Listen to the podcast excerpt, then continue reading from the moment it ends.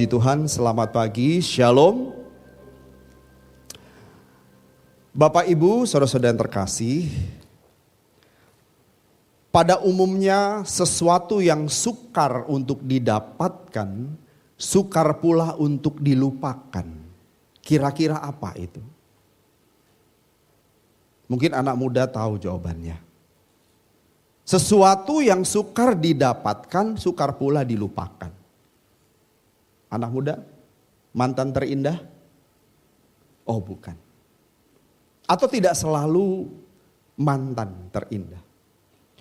Makin sukar suatu benda didapatkan, makin sukar sesuatu didapatkan, maka makin tinggi pula harga atau nilai suatu benda tersebut.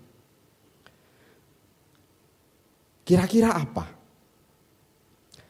Kalau saya memberikan contoh berlian Bapak Ibu. Contoh umum berlian. Mengapa berlian memiliki nilai begitu tinggi dibandingkan dengan batu koral? Batu koral. Sebab berlian tidak mudah ditemukan. Memerlukan waktu, tenaga, usaha yang keras Bahkan tidak sedikit biaya yang dikucurkan untuk mendapatkan batu berlian itu. Jika dibandingkan dengan batu koral kita bisa dapatkan dengan mudah. Mudah. Dan ketika seseorang dalam pencariannya kemudian menemukan katakanlah dapat 500 gram berlian. Tidak akan pernah lupa seumur hidupnya. Benar Bapak Ibu? Susah didapatkan tapi begitu didapatkan tidak akan pernah lupa. Seandainya Bapak Ibu saya meminta setiap kita membuat daftar, membuat daftar mengenai suatu benda atau apa pun yang sukar didapatkan sehingga menjadi kemudian sulit untuk dilupakan. Kira-kira menurut saudara benda apa atau sesuatu apakah yang dapat menempati urutan pertama dari daftar yang saudara buat. Kira-kira apa? Bisa mengerti Bapak Ibu? Terbayang apa yang saya katakan? Mengerti bahasa Indonesia? Puji Tuhan. Sudah terbayang? Seandainya saya meminta saudara untuk membuat daftar mengenai suatu benda atau sesuatu apa pun yang sukar didapat, tetapi begitu didapatkan tidak mudah untuk dilupakan. Kira-kira urutan pertamanya apa? Ada yang mengatakan pasangan hidup yang setia, faithful life partner. Bisa juga. Ada yang mengatakan seorang sahabat yang baik, a good friend. Apakah ijazah sertifikat, apakah gelar kehormatan, ataukah pangkat atau kedudukan. Kira-kira apa Bapak? Sesuatu yang sukar didapatkan, begitu kita mendapatkannya sukar untuk dilupakan. Kalau menurut saya, tempat pertama itu Tuhan Bapak Ibu. Saya kira sebagian besar setuju. Amin. Amin. Sesuatu yang sukar didapatkan Tuhan. Kenapa sukar? Kenapa dibuat saya membuat sebagai urutan pertama? Karena memang menemukan Tuhan itu tidak mudah. Tidak mudah. Ibaratnya seperti mencari jarum yang jatuh di antara jerami, tumpukan jerami. Mencari jarum yang jatuh di antara tumpukan jerami. Betapa tidak mudahnya. Menemukan Tuhan itu tidak mudah Bapak Ibu. Menemukan Tuhan dan saudara begitu menemukan Tuhan, saudara menikmati Tuhan. Dan saudara bisa berkata, menemukan Tuhan itu lebih dari apa pun. Menemukan Tuhan itu lebih indah dari apa pun. Menemukan Tuhan itu lebih menyenangkan dari apa pun. Menemukan Tuhan itu lebih membahagiakan dibandingkan dengan apa pun yang bisa membuat kita bahagia di dunia ini. Apakah saudara sudah mencapai titik seperti itu? Menemukan Tuhan lebih nikmat dari segala kenikmatan yang dunia bisa tawarkan, yang kita bisa raih, yang kita bisa nikmati, bahkan pernah kita nikmati. Menemukan Tuhan itu lebih nikmat dari apa pun. Menemukan Tuhan, mengapa harus di tempat yang pertama? Kalau buat saya menemukan Tuhan itu bukan saja sukar dan paling indah, Menemukan Tuhan itu terbatas waktunya Bapak Ibu. Terbatas waktunya. Bahkan ada saatnya di mana Tuhan tidak bisa kita temui. Dengan cara apa pun Bapak Ibu tidak bisa berjumpa dengan Tuhan. Ada saatnya, ada batasnya. Mungkin sampai kita nangis darah. Tuhan tidak bisa kita jumpai. Tuhan sudah tidak mau kita jumpai. Tuhan sudah tidak peduli dengan kita. Dan hal itu ada di dalam Yesaya 55 ayat yang ke-6 dikatakan. Yesaya 55 ayat yang ke-6 dikatakan. Carilah Tuhan selama ia berkenan ditemui. Berserulah kepadanya selama ia dekat. Ada saatnya Tuhan tidak berkenan ditemui. Ada saatnya juga Tuhan jauh. Ayat ini merupakan nasihat Yesaya kepada kerajaan Israel selatan, kerajaan Yehuda Supaya mereka mencari Tuhan. Selama Tuhan masih berkenan untuk ditemui. Selama Tuhan masih bisa ditemui. Sebab jangan sampai seperti kerajaan Israel Utara. Ketika itu kerajaan Israel Utara dihancurkan kerajaan Asyur dan tanpa perlindungan Tuhan. Dan ketika mereka mencari Tuhan berseru kepada Tuhan, Tuhan sudah tidak peduli. Tuhan itu panjang sabar Bapak Ibu. Amin. Makrotomias, panjang sabar. Panjang yang sabarnya Tuhan itu makro. Tetapi bukan berarti tidak ada batas kesabaran Tuhan. Banyak orang tidak paham hal ini. Sehingga selalu berpikir, ah Tuhan itu panjang sabar. Panjang sabar, masih ada hari esok. Masih ada kesempatan. Toh kita ini orang Kristen. Sudah ditentukan mati masuk surga. Nantilah di ujung hari. Begitu udah napas satu-satu ya kan. Saudara kalau sudah kena hipoksia gimana bisa mikir. Nantilah belakangan. Pasti yang namanya keselamatan itu sudah ditentukan di ujung hari. Akhirnya lolos juga, selamat juga. Nah ini membuat kita tidak mau bertumbuh dan mencari Tuhan. Membuat orang Kristen menjadi kerdil dan tidak bertumbuh secara benar Bapak Ibu. Mencari Tuhan itu sukar, tidak mudah.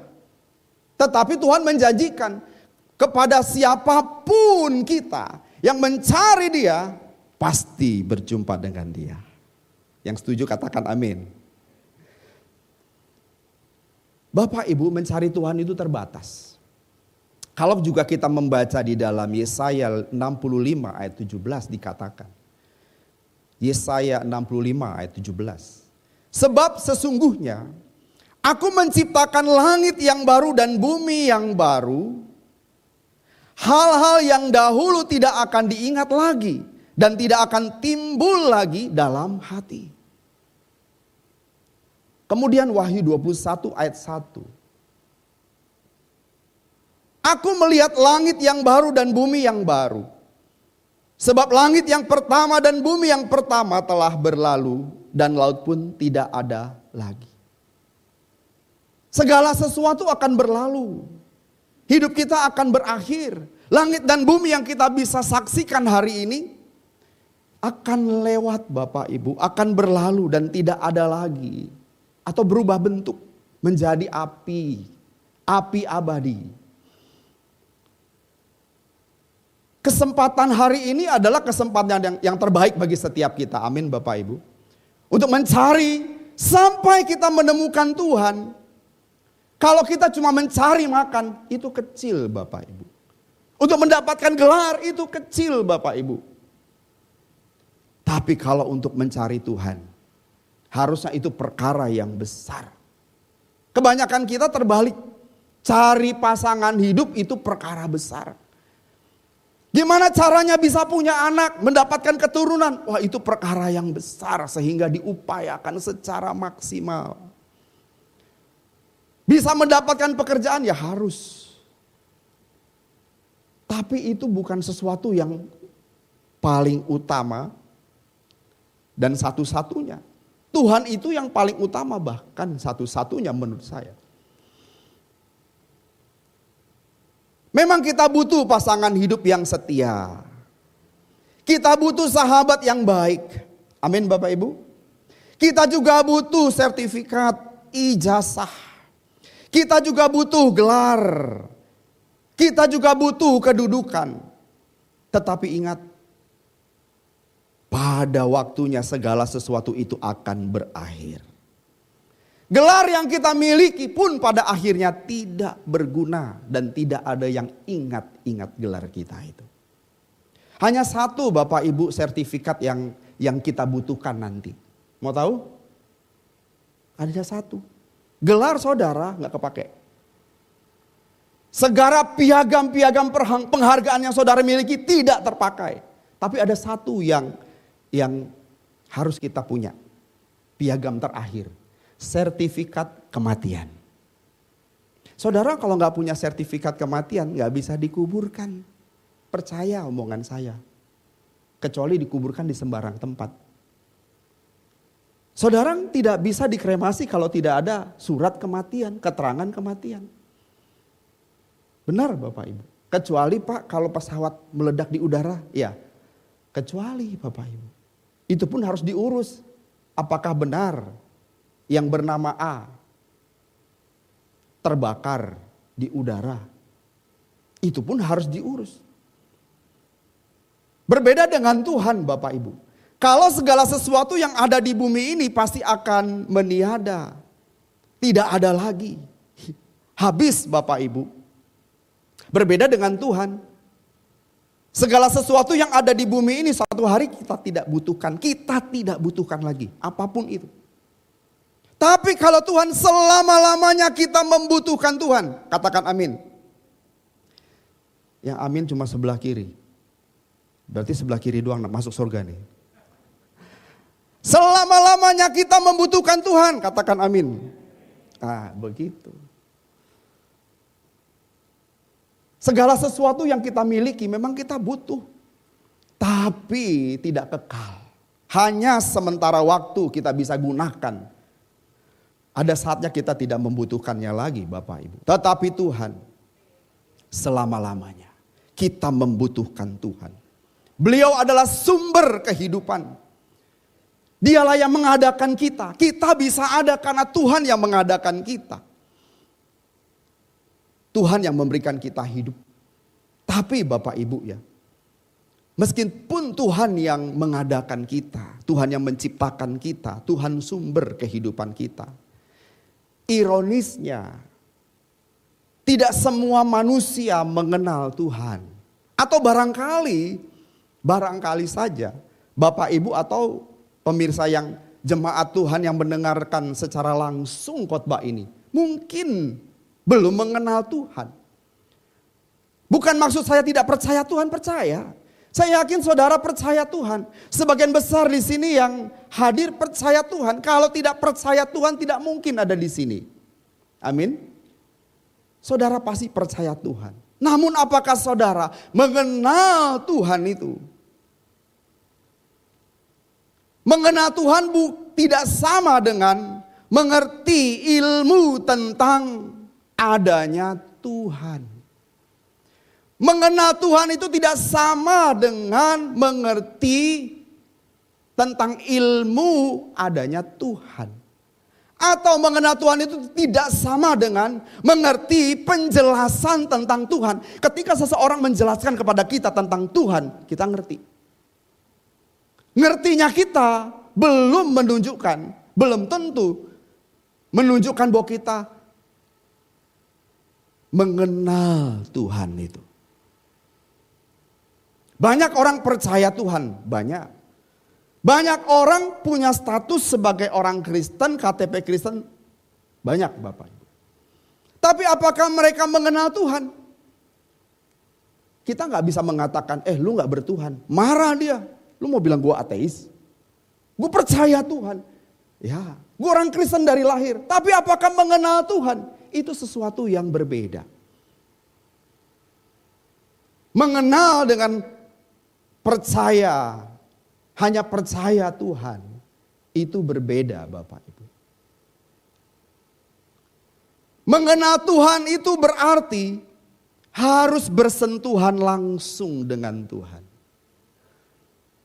harus bersentuhan langsung secara pribadi dengan Tuhan. Bersentuhan dengan Tuhan maksudnya adalah memiliki pengalaman perjumpaan pribadi dengan Tuhan. Nah, sekarang saudara, saudara punyakah pengalaman perjumpaan pribadi saudara dengan Tuhan? Sehingga saudara bisa berkata, Tuhan itu lebih indah dari apa pun. Tuhan itu lebih nikmat dari segala sesuatu yang bisa kita nikmati. Dan yang paling nikmat di dunia. Menurut saudara yang paling nikmat itu apa? Sebelah kanan saya. Menurut saudara yang paling nikmat itu apa? Belum pada sarapan. Soalnya ditanya diem aja. Atau kedinginan Pak Mark. Ya kan? Saya nggak kedinginan karena bergerak-bergerak. Menurut saudara apa? Apa yang paling nikmat? Saya mau mengatakan bahwa yang paling nikmat itu Tuhan. Seks nikmat, tapi Tuhan itu lebih nikmat. Narkoba bagi orang yang pernah menggunakannya nikmat. Tapi bagi saya, Tuhan itu lebih nikmat dari narkoba. Lebih nikmat dari narkoba jenis apa pun yang bisa membuat seseorang lupa daratan, lupa lautan. Lebih nikmat dari apa pun. Pak, paling enak pak.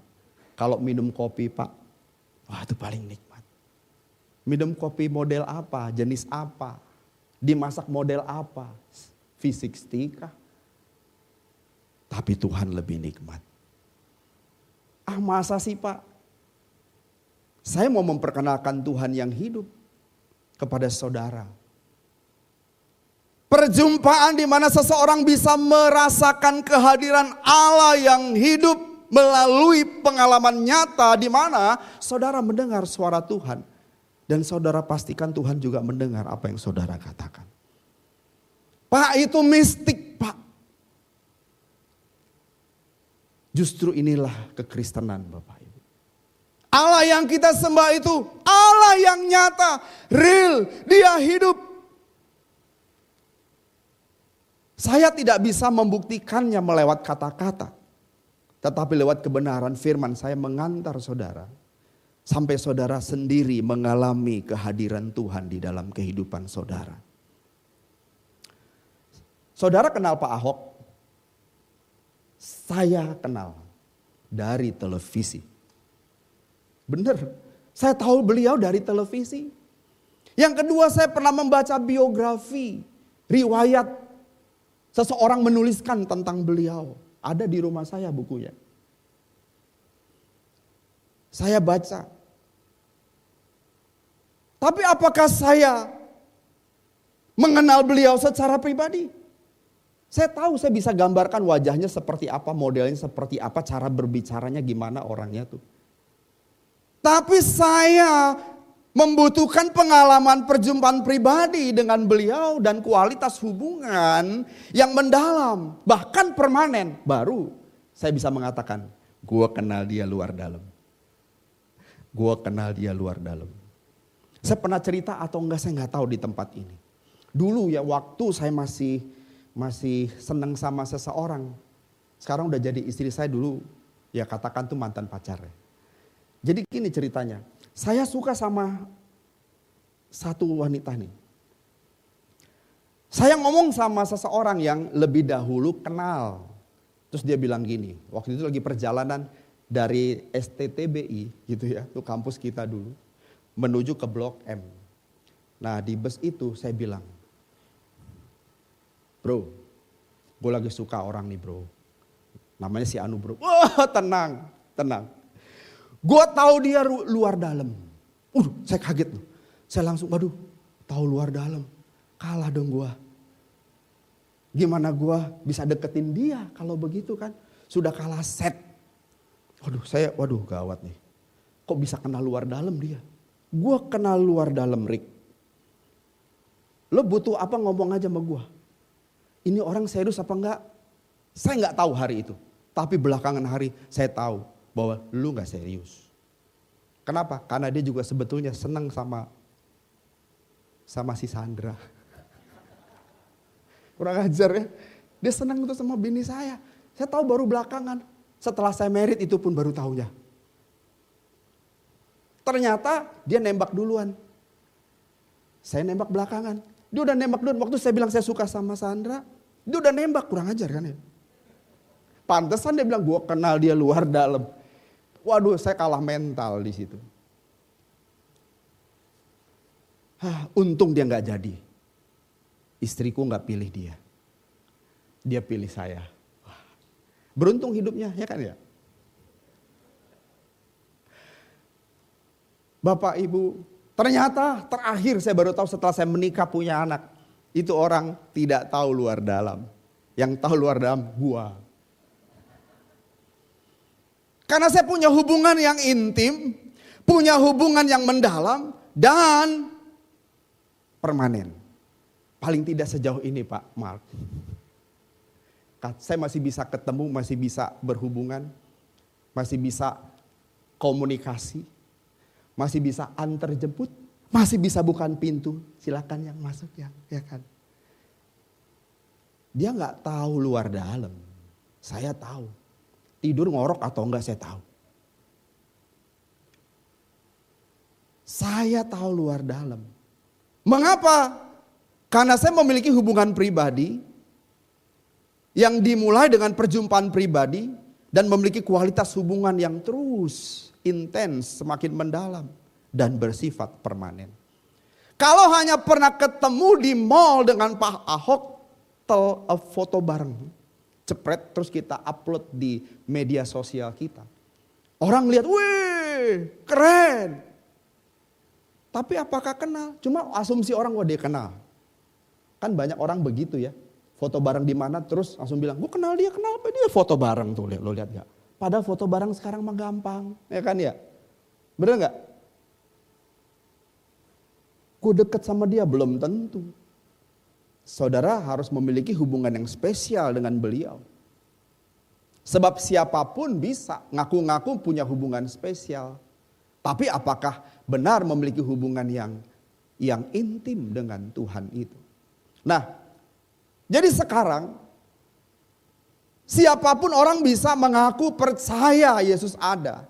Tetapi belum tentu memiliki pengalaman perjumpaan pribadi dengan Tuhan dan merasakan kehadiran Tuhan itu. Belum tentu. Tuhan harus benar-benar dirasakan. Dan Tuhan benar-benar kita tahu seluruh kulit kita ini merasakan gitu kehadiran Tuhan itu. Apakah kita telah memiliki pengalaman perjumpaan dengan Tuhan ini Bapak Ibu? Apakah kita model orang yang ya asal percaya saja, percaya dari kata orang, percaya dari kata buku, percaya kata pendeta. Sekarang kalau saya berbicara tentang Tuhan yang hidup yang bisa dirasakan kehadirannya, ah, Bapak Ibu alami. Mungkin sebagian berkata, ah bohong. Kalau saudara bilang bohong, saudara tidak akan mengalami Allah yang hidup itu.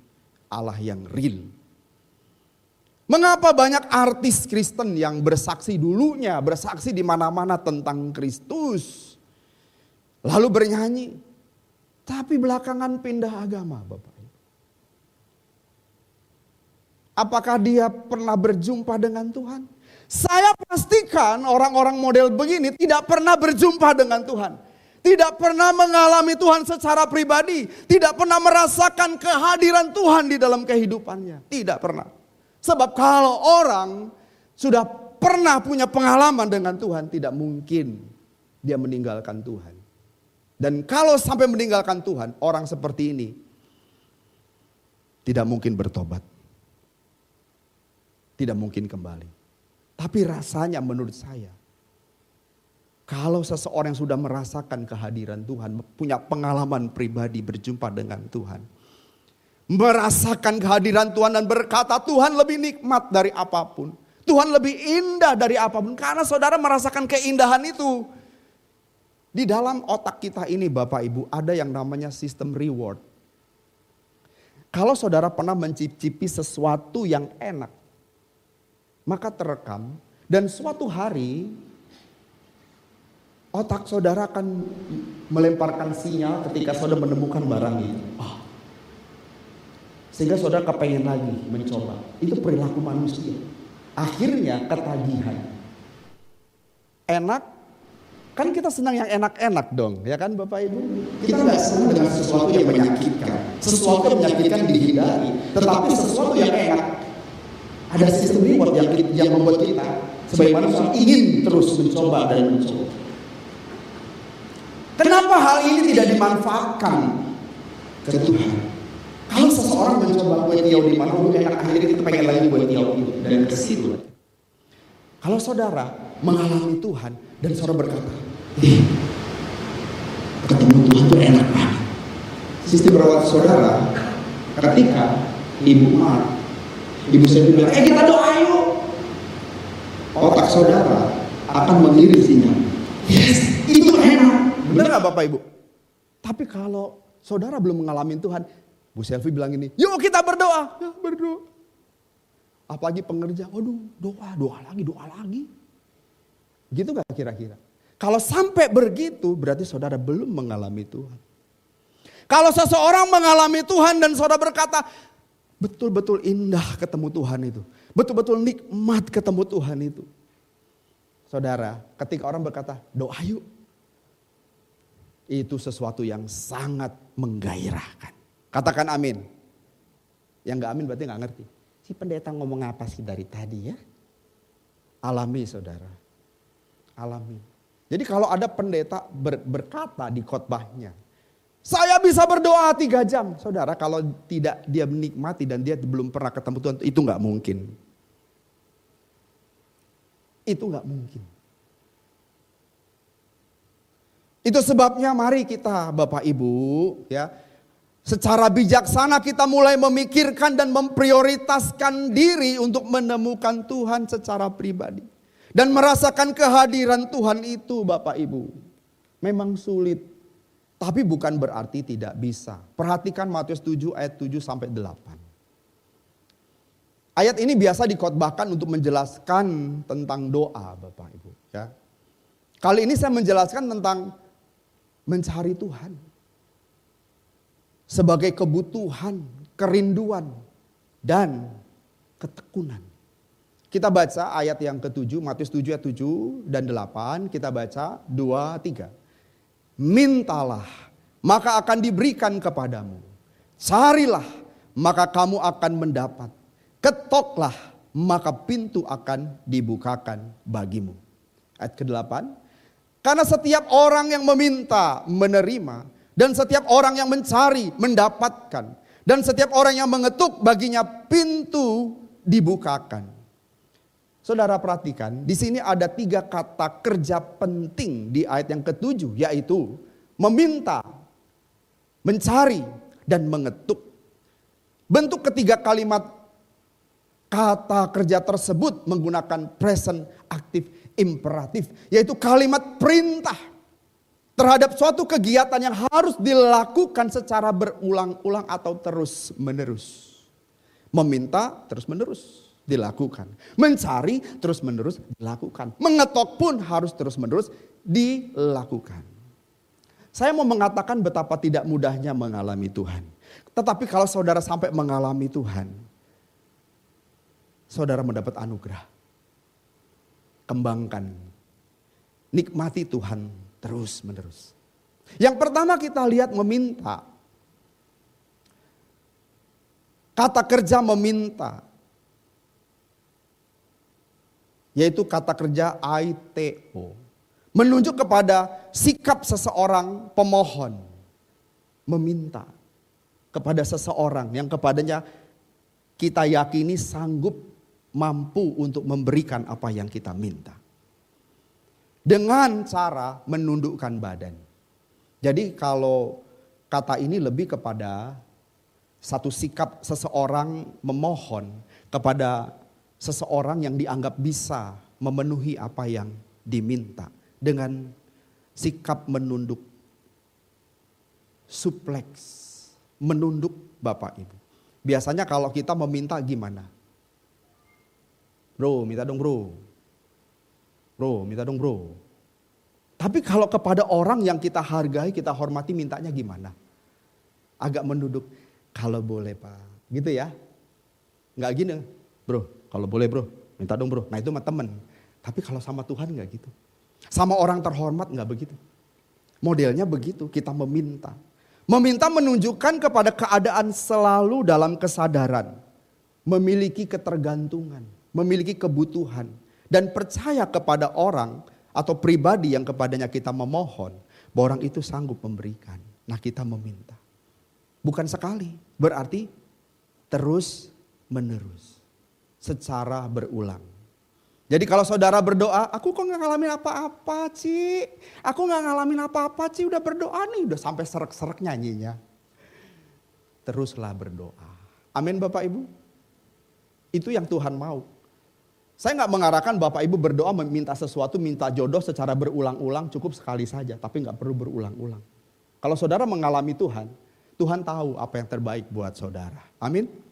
Tapi kalau Tuhan mengenal Tuhan, mengalami Tuhan, aku harus minta berulang-ulang.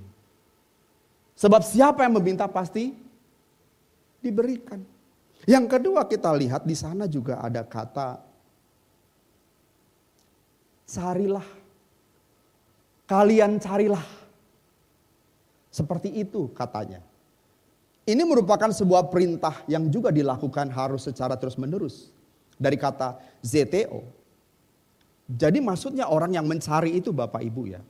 Mencari itu membutuhkan suatu penyelidikan, usaha yang cermat. Saudara kalau mau mengenal Tuhan sungguh-sungguh ya baca Alkitab. Sungguh-sungguh. Bukan sekali seminggu. Tiap hari. Itu orang yang mencari seperti itu. Orang yang mau merasakan mengenal Tuhan. Dia cari Tuhan terus menerus. Dan mempelajarinya dengan sungguh-sungguh. Makanya dulu waktu kita cinta mula-mula kepada Tuhan. Coba. Kita tuh betul-betul haus akan Tuhan. Di mana pun ada persekutuan. Ada flyer-flyer yang disebar. Wow KKR. Kita datang. Bener nggak? Nah itu yang ngalamin Tuhan. Yang nggak ngalamin Tuhan. Masa sih Pak Pendeta? Nah harus ngalamin. Tuhan itu hidup.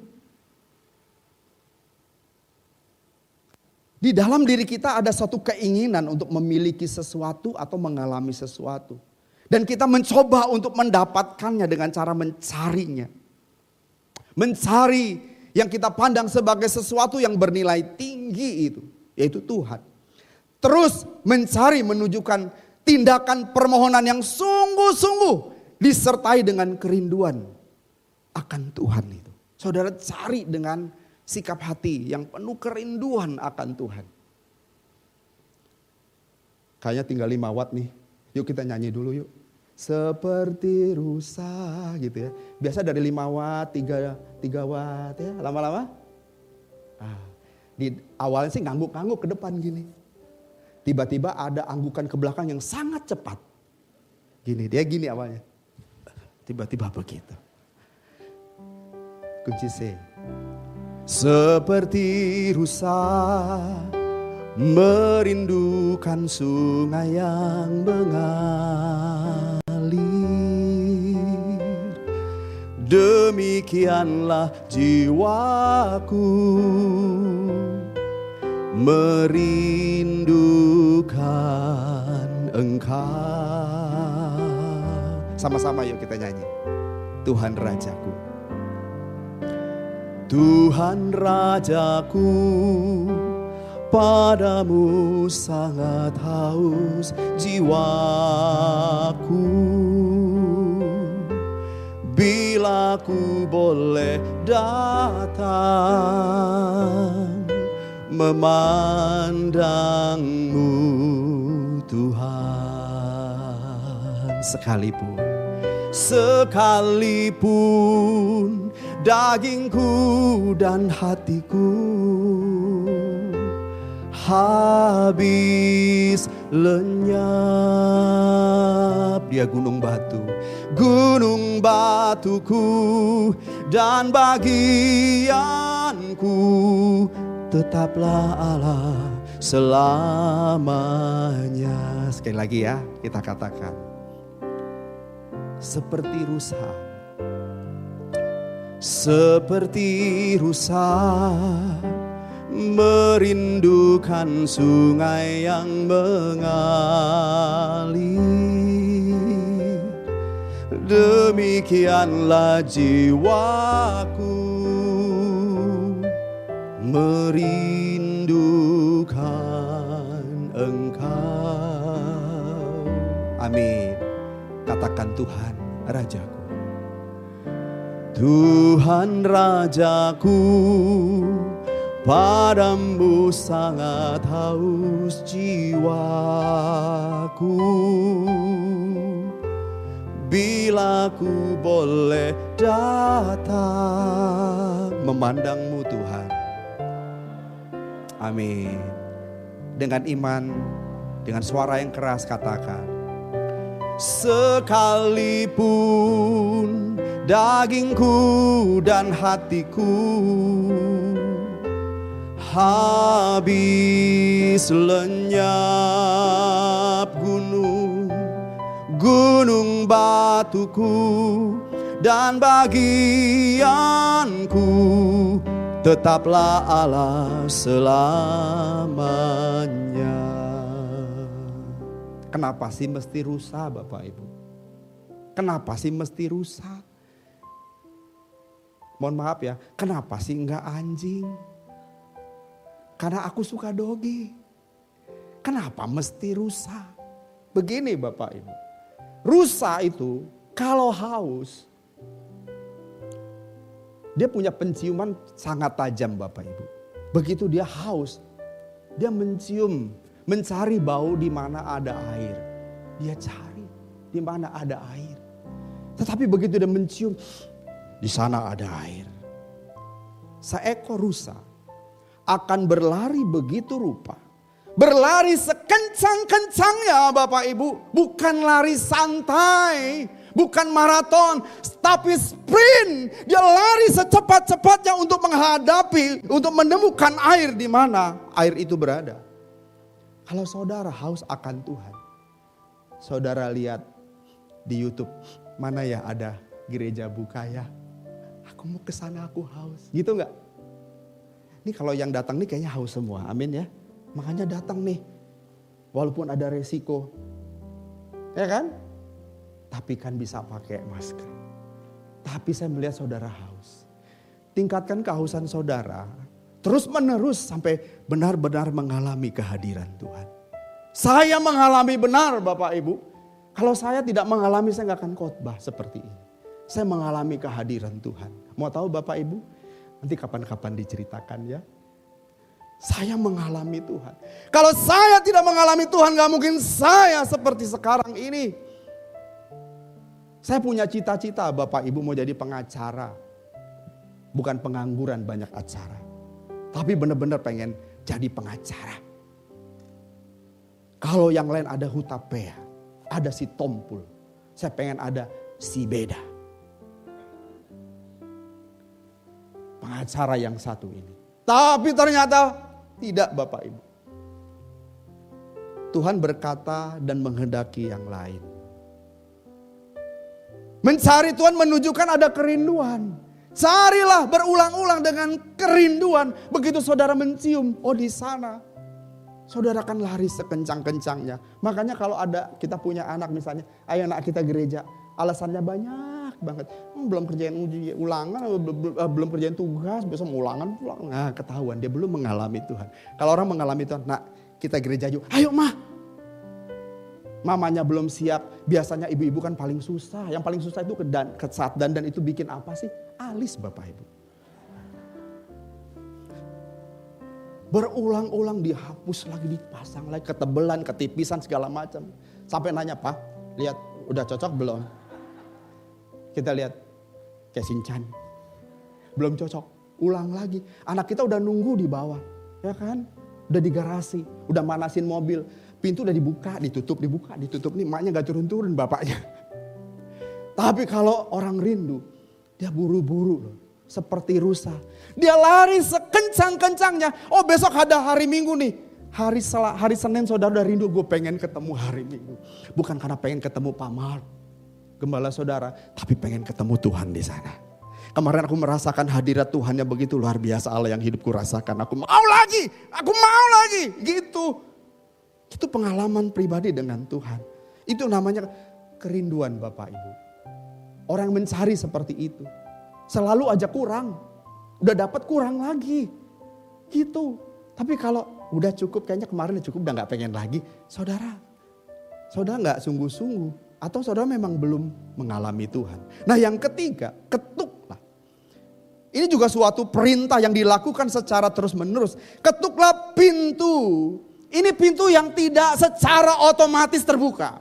Jadi kalau kita ngetuk pintu, jangan seperti tukang petugas petugas yang ngurusin meteran air rumah saudara.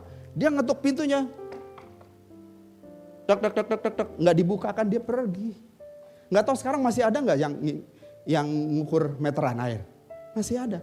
Saudara nggak buka pintu, dia pergi aja. Begitu besok kita bayar, eh dikit banget bayar airnya. Iya. Tapi bulan depan gede. Double soalnya. Karena nggak diukur sama dia, nggak dihitung. Begitu. Ya dia ngetuk sebentar doang, setelah itu ya udah. Kita kalau mau mencari Tuhan ketuklah, ketuk seperti kita ingin pintu itu segera dibuka. Kita butuh pintu itu dibuka. Ketuk terus menerus menunjukkan adanya ketekunan yang terus menerus dalam menghampiri Allah.